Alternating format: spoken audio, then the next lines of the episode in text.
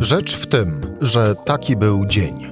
Cezary Szymanek, zapraszam na codzienny podcast Rzeczpospolitej. Czwartek, 25 listopada. Praworządność będzie broniona. Węgiel zniknie szybciej. Mieszkań ma być więcej. Ale na początek Olaf Scholz zostanie nowym kanclerzem Niemiec, to w tygodniu po 6 grudnia. Wczoraj zaś SPD, Zieloni i FDP zawarły w Berlinie umowę koalicyjną, a wie o niej prawie wszystko. Jerzy Haszczyński, rzecz w tym, że zapraszam Cezary Szymanek. Słuchaj na stronie podcasty.rp.pl. Włącz Rzecz w tym w serwisie streamingowym. Jerzy Haszczyński, szef działu zagranicznego Rzeczpospolita. Jurku, dzień dobry. Dzień dobry. To zanim o samej umowie i o tym, co dalej y, u naszego zachodniego y, sąsiada, to no właśnie, z polskiej perspektywy patrząc, to dziwny ten kraj, gdzie umowa koalicyjna jest właściwie znana powszechnie wszystkim. No, taka tradycja. Można powiedzieć, że e, najdziwniejsze może jest to, że dopiero teraz możemy o niej porozmawiać, bo prawie, że nieprzeniknione było to grono, które negocjowało przez ładnych parę tygodni. I dzisiaj słyszałem taką rozmowę w innym podcaście, nie będę mówił nie w polskim, po niemiecku, e, czy niekonkurencyjnym, e, że to z jednej strony dobrze świadczy o tych, którzy prowadzili negocjacje, że potrafią nie zdradzać szczegółów, a z drugiej strony, że to może niekoniecznie jest dobre dla wyborców, czy wręcz to bardzo szumne określenie demokracji. No ale teraz już możemy demokratycznie ocenić. E, ale jeszcze pozostaniemy chwilę przy kuchni e, tworzenia takowej umowy. E, to jest tak, że to sami liderzy, czy to jest o wiele większe grono ludzi, które tworzy taką e, umowę koalicyjną? Tak, są zespoły przeznaczone do konkretnych rozdziałów, tak to nazwijmy, ale oczywiście decydujące, decydujący głos już po tym, jak się wyłonią szczegóły. Przy 177 stronach to można, umowy koalicyjnej można sobie wyobrazić, ile tych szczegółów jest, a tak naprawdę ilu jeszcze nie ma, a ktoś gdzieś o nich wie, no to wiadomo, że to musiało być bardzo dużo specjalistów. Każda partia była do tego przygotowana, ale decydujący głos mieli ci bezpośredni liderzy. W wypadku FDP to chyba jeden, w wypadku SPD to kilka osób i jeżeli chodzi o zielonych, to co najmniej dwie osoby. Te rozmowy zaczęły się 21 października, e, skończyły e, wczoraj e, podpisaniem, czyli 24 listopada. Jerzy, ja wspomniałem o trzech takich głównych punktach, które mi utkwiły bardzo mocno w pamięci po wczorajszych doniesieniach. Ta kolejność też nieprzypadkowa, bo również i ważna, gdy no, ja patrzę na wyzwania obecnych czasów w Europie. A dla ciebie ten najważniejsze zagadnienia z umowy koalicyjnej? No mnie najbardziej zawsze interesuje taka czysta polityka zagraniczna, polityka bezpieczeństwa. Mniej mnie może interesują zaklęcia y, socjalne, ale nie chcę wyjść tutaj na jakiegoś bezdusznego, w związku z tym może nie będę o tym akurat y, rozprawiał. Zresztą, zresztą, mhm. co jest ważne, mm, przy pierwszym czytaniu może się wydawać, że, czy przeglądaniu, kto jest w stanie w ciągu y, godziny czy dwóch, a tyle mieliśmy czasu przed wydaniem wczorajszej gazety, żeby to przeżyć, to jest w stanie przeczytać dokładnie 177-stronicowy dokument. W pierwszym czytaniu wydaje się to wszystko rewolucyjne, przy drugim już widać, że y, wiele to jest po prostu status quo, czy jakiś kompromis, a co będzie przy trzecim, czwartym i piątym, y, to pewnie dojdziemy do wniosku, że to jest niewiele się różni od tego, co było hmm, wcześniej w Niemczech, bo zazwyczaj jest tak, że w Niemczech to wszystko się do środka koncentruje się w środku i nie ma rewolucji, mimo nazwy, że to jest rewolucyjny program. On jest rewolucyjny dlatego, że 16 lat była jedna przywódczyni trzeba zrobić coś innego, żeby to było, y, żeby pokazać wyborcom, którzy nie chcieli już więcej partii Merkel władzy, że to naprawdę jest zupełnie inne podejście do rzeczywistości niż miała Merkel, chociaż pewne rzeczy w jej działalności można było już przewidzieć. To przejście na przykład na ekologię, to się już działo, takie otwarcie na, no, na sprawy cywilizacyjne, postępowe też się już działo, ale to skończmy z Merkel. Merkel żegnamy, przechodźmy do przyszłości. No właśnie, a propos przyszłości, a propos tego, e, co ciebie najbardziej, jak sam zresztą wspomniałeś, interesuje. E, umowa koalicyjna ma taki podrozdział, niemiecka umowa koalicyjna ma taki podrozdział poświęcony praworządności w Europie, co możemy czytać jako podrozdział, również pewnym sensie dotyczący stosunków Berlina i, i Warszawy. Tak, jest. Nam to prawda akurat w tym sformułowaniu praworządności nazwa Polska nie pada, ale wiadomo, że to Polski i Węgier dotyczy, ale może dotyczy też każdego innego kraju w przyszłości. No ta koalicja, mm, zapewne pod wpływem zielonych przede wszystkim, a także lewicowego y, skrzydła SPD, y, mówi o wartościach, czyli że, że Unia musi się odwołać do tych wartości z praworządnością w roli głównej, ze względu na to, że praworządność w niektórych krajach jest ich zdaniem zagrożona. Co, to można było to przewidzieć, że tak będzie. To zresztą polskim politykom e, liderzy Zielonych i SPD suflowali wcześniej. Może nowe jest to, że tak jednoznacznie tam jest wskazane wsparcie dla uznania rozdawania funduszy w zależności od tego, czy się przestrzega praworządności, czy nie. Jak rozumiem, to się znalazło dlatego, że y, Polska no, dostała jakąś szansę kompromisu od Angeli Merkel i, i jej wybrańczyni Ursuli von der Leyen i, i nic się nie zmieniło. W związku z tym to jest tak jakby na gorąco reakcja. To w ogóle dziwne, że w umowie koalicyjnej coś takiego się pojawia, bo przecież to jest sprawa na najbliższe najbliższe tygodnie czy miesiące, e, jeżeli chodzi o fundusz, przynajmniej ten odbudowy. Tam jest taki cytat: e, Wzywamy Komisję Europejską jako strażniczkę traktatów do bardziej konsekwentnego i szybszego wykorzystania i wprowadzenia istniejących już instrumentów e, praworządności. To teraz tak już e, karty na stół. Warszawa będzie miała problem? No, jak będzie chciała, to będzie miała. Jak nie będzie chciała, to. To inaczej. Czy relacje Berlin-Warszawa będą. Mm, no właśnie, jakie one teraz mogą być? No, one zależą tak naprawdę od sytuacji wewnętrznej w polskiej partii rządzącej. Jeżeli zwycięży frakcja radykałów, która korzysta z tego, że ma może nie tak wiele szabel, ale od niej zależy większość, no to na pewno nie będzie dobrze. Jeżeli zwycięży e, frakcja, nazwijmy to E, koncyliacyjna czy e, umiarkowana, chociaż w PiSie to, no jak napis umiarkowana, to to może być. Może być do tego po prostu zmuszona, prawda? Bo jeżeli nie będzie pieniędzy zdających się przewidzieć przyszłości, to ten rząd może upaść. Myślę, że wszystko jest po polskiej stronie, na, na naszym boisku. Ja jednak wrócę jeszcze raz. Nie, na przy... naszej połowie. Na naszej połowie boiska. Ja jeszcze raz przywołałem Angelę Merkel, ale nie jako y, osobę, która jeszcze ma jakiś wpływ, ale na, jako osobę, która miała wpływ, bo mówiło się, że Angela Merkel miała wobec Polski trochę więcej cierpliwości niż można by było mieć, trochę większy sentyment niż można by było mieć. Czy Olaf Scholz będzie miał podobnie? E, Olaf Scholz był e, wicekanclerzem, no nawet wciąż jeszcze jest wicekanclerzem w rządzie Angeli Merkel i SPD w tym rządzie była, więc w jakimś sensie ponosi także odpowiedzialność za, za politykę wobec Polski, którą prowadziła Angela Merkel. Czy e, Angela Merkel miała jakiś specjalny stosunek do Polski? Moim zdaniem ona po prostu była ukształtowana w innych warunkach i dla niej to nie chodzi o to, że ona polskiego dziadka czy pradziadka, to się waha. Raz mówi pradziadek, raz dziadek. E, ale chodziło o to, że Europa bez wschodniego skrzydła nie istnieje.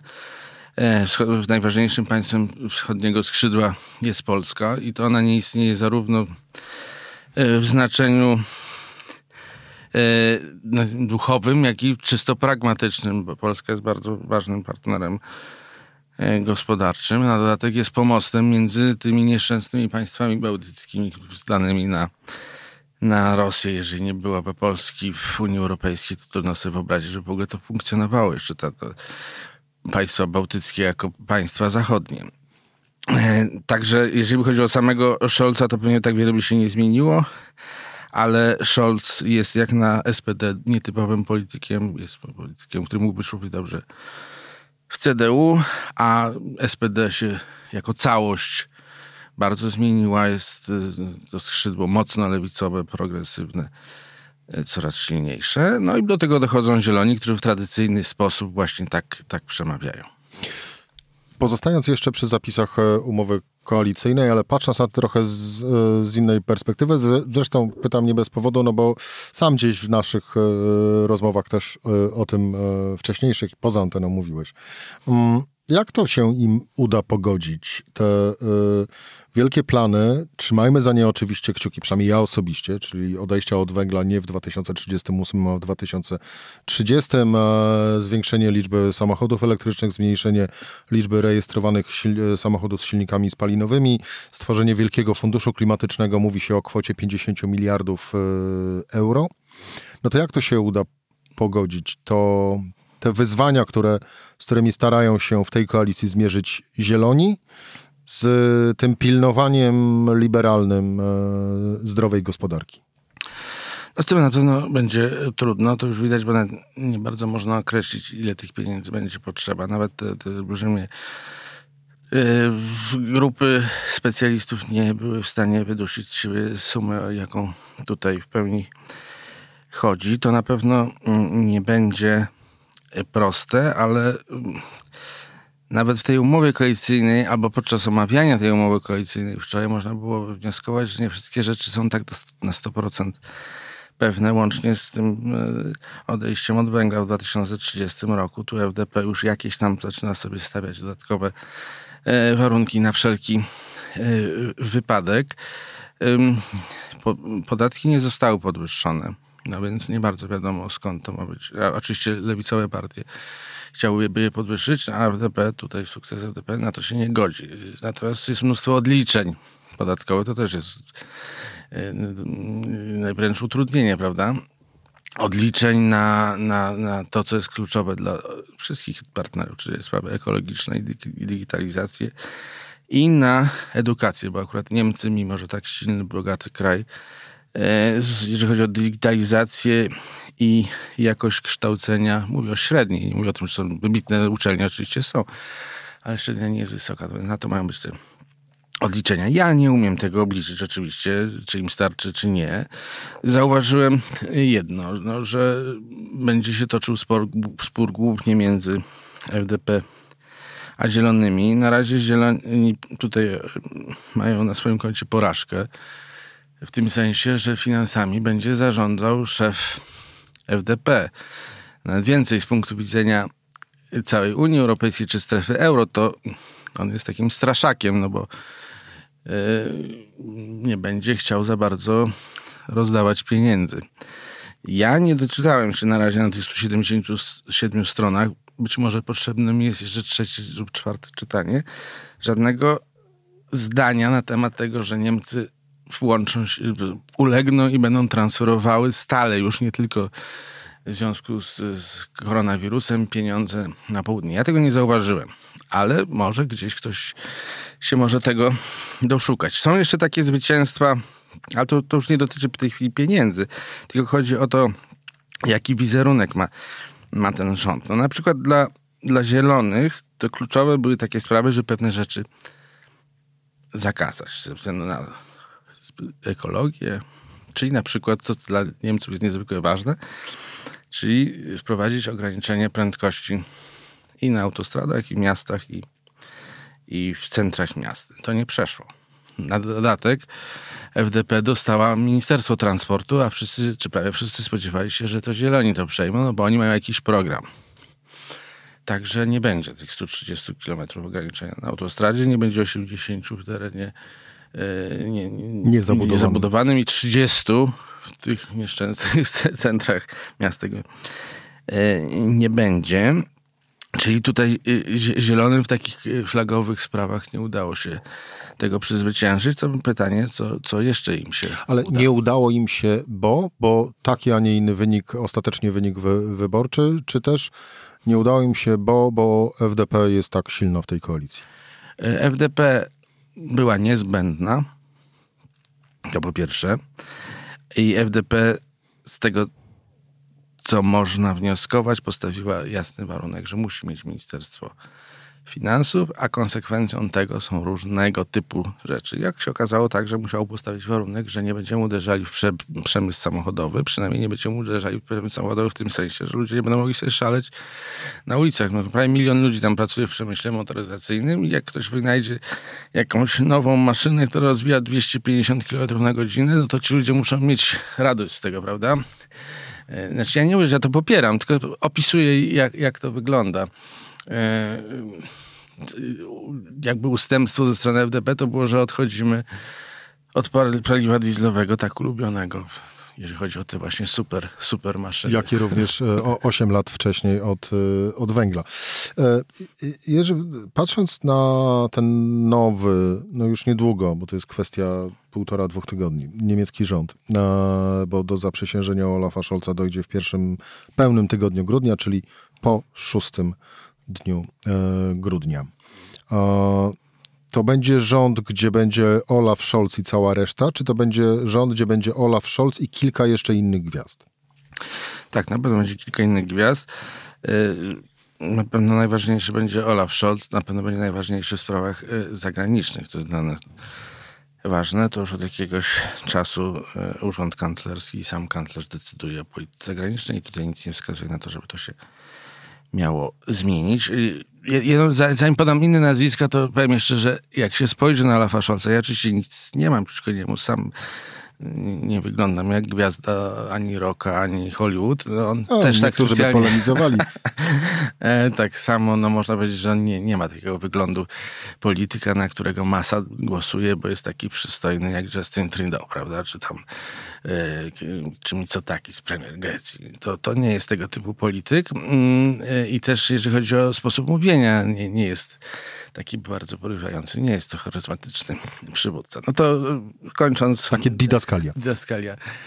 Y, to drugą postacią e, na razie tak to jest przedstawiane w cenie że tak będzie. Przynajmniej na, na, na scenie niemieckiej na pewno będzie Robert Habeck, czyli jeden z dwojga przewodniczących Zielonych, który będzie szefem superministerstwa klimatu i gospodarki, niezależnie co to znaczy, bo oprócz tego będzie jeszcze Ministerstwo Ochrony Środowiska, które też będzie w rękach zielonych. Robert Habeck, który przy okazji będzie wicekanclerzem, a może tu kluczowa sprawa, przy okazji ograł mm, współprzewodniczącą swojej partii Annalenę Baerbock, która, jak wiemy, miała nadzieję i część społeczeństwa niemieckiego miała nadzieję, że będzie panią kanclerz, zieloną panią kanclerz. To się nie udało, nie udało się też jej zająć głównego stanowiska e, dla zielonych, czy nie będzie wicekanclerzem. Dlaczego tak jest? Mianowicie umówili się, te dwoje, no, te dwoje przybutów się umówiło zielonych, że jeżeli zieloni nie osiągną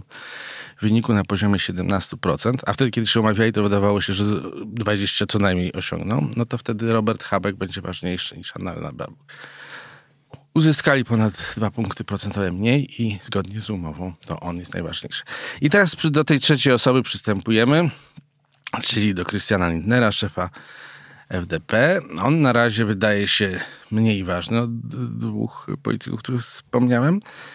Natomiast y, to się może zmienić i, i tak media ekonomiczne zachodnie, takie bardziej y, no mniej progresywne, a bardziej myślące o, o punktu widzenia przedsiębiorców, to raczej w nim widzą głównego rozgrywającego, który zadecyduje o tym, czy Niemcy się zmienią, czy przestaną być oszczędne, a przede wszystkim, czy się będą dzieliły bardziej z innymi. I to wtedy z punktu widzenia Unii Europejskiej, strefy euro, a może całego świata zachodniego, będzie postać kluczowa. A w każdym, no, może numer dwa, no bo kanclerz zawsze jest najważniejszy, ale że przeskoczy z powodów tych, o których wspomniałem, Roberta Habeka.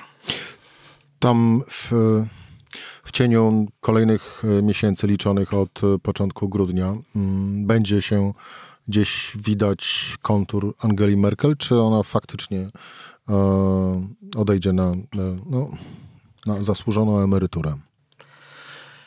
Kontur to na pewno będzie widać, na pewno będą się do niej politycy odwoływali, ale na razie chcą pokazać, że są niezależni. są niezależni.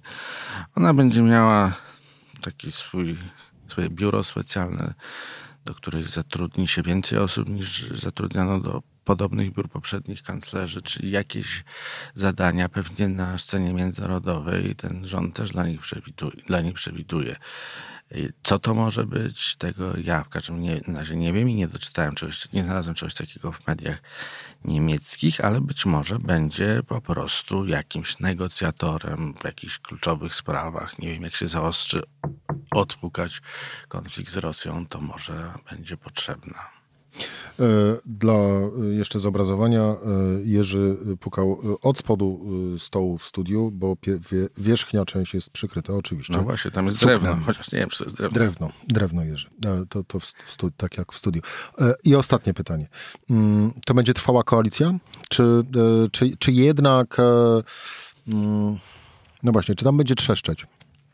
Trzeszczeć będzie już dzisiaj trzeszczało w sprawie tego, czy powinny być obowiązkowe szczepienia, ale nie, moim zdaniem to jest koalicja, na której tak zależy, zwłaszcza tym dwóm mniejszym partiom, czyli Zielonym i FDP, one się tak długo wyczekały, to nie, to jest zbyt pragmatyczne, zbyt wiele chcą zrobić, zbyt długo um, myśleli tylko w kategoriach tego, że fajnie byłoby coś zrobić, ale teraz naprawdę można coś. Mogę powiedzieć nawet więcej.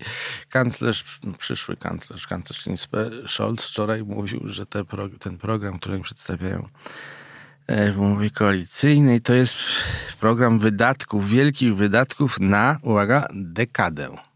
Nie powiedział, że na 4 lata, tylko że na dekadę. Oczywiście można powiedzieć, że y, ma nadzieję, że dwie i pół kadencje prze, przed nim, ale można też powiedzieć banalnie, że po prostu są tak wielkie wydatki, że następni też zapłacą niezależnie od tego, kto rządzi. Ale ja to odczytuję w ten sposób, że, że on się on chce po prostu być jak najdłużej kanclerzem, a jego partnerzy na pewno chcą być jak najdłużej jego partnerami. Nie mam co do tego wątpliwości. Skoro się dogadali teraz, to może sobie trzeszczeć, ale nie na tyle, żeby się rozpadło. A my moglibyśmy też jeszcze jak najdłużej gadać, e, ale tu postawmy kropkę. Jerzy Haszczyński, szef działu zagranicznego Rzeczpospolitej. Dziękuję Ci bardzo. Dziękuję. To była Rzecz w tym w czwartek. Cezary Szymanek. Do usłyszenia po weekendzie.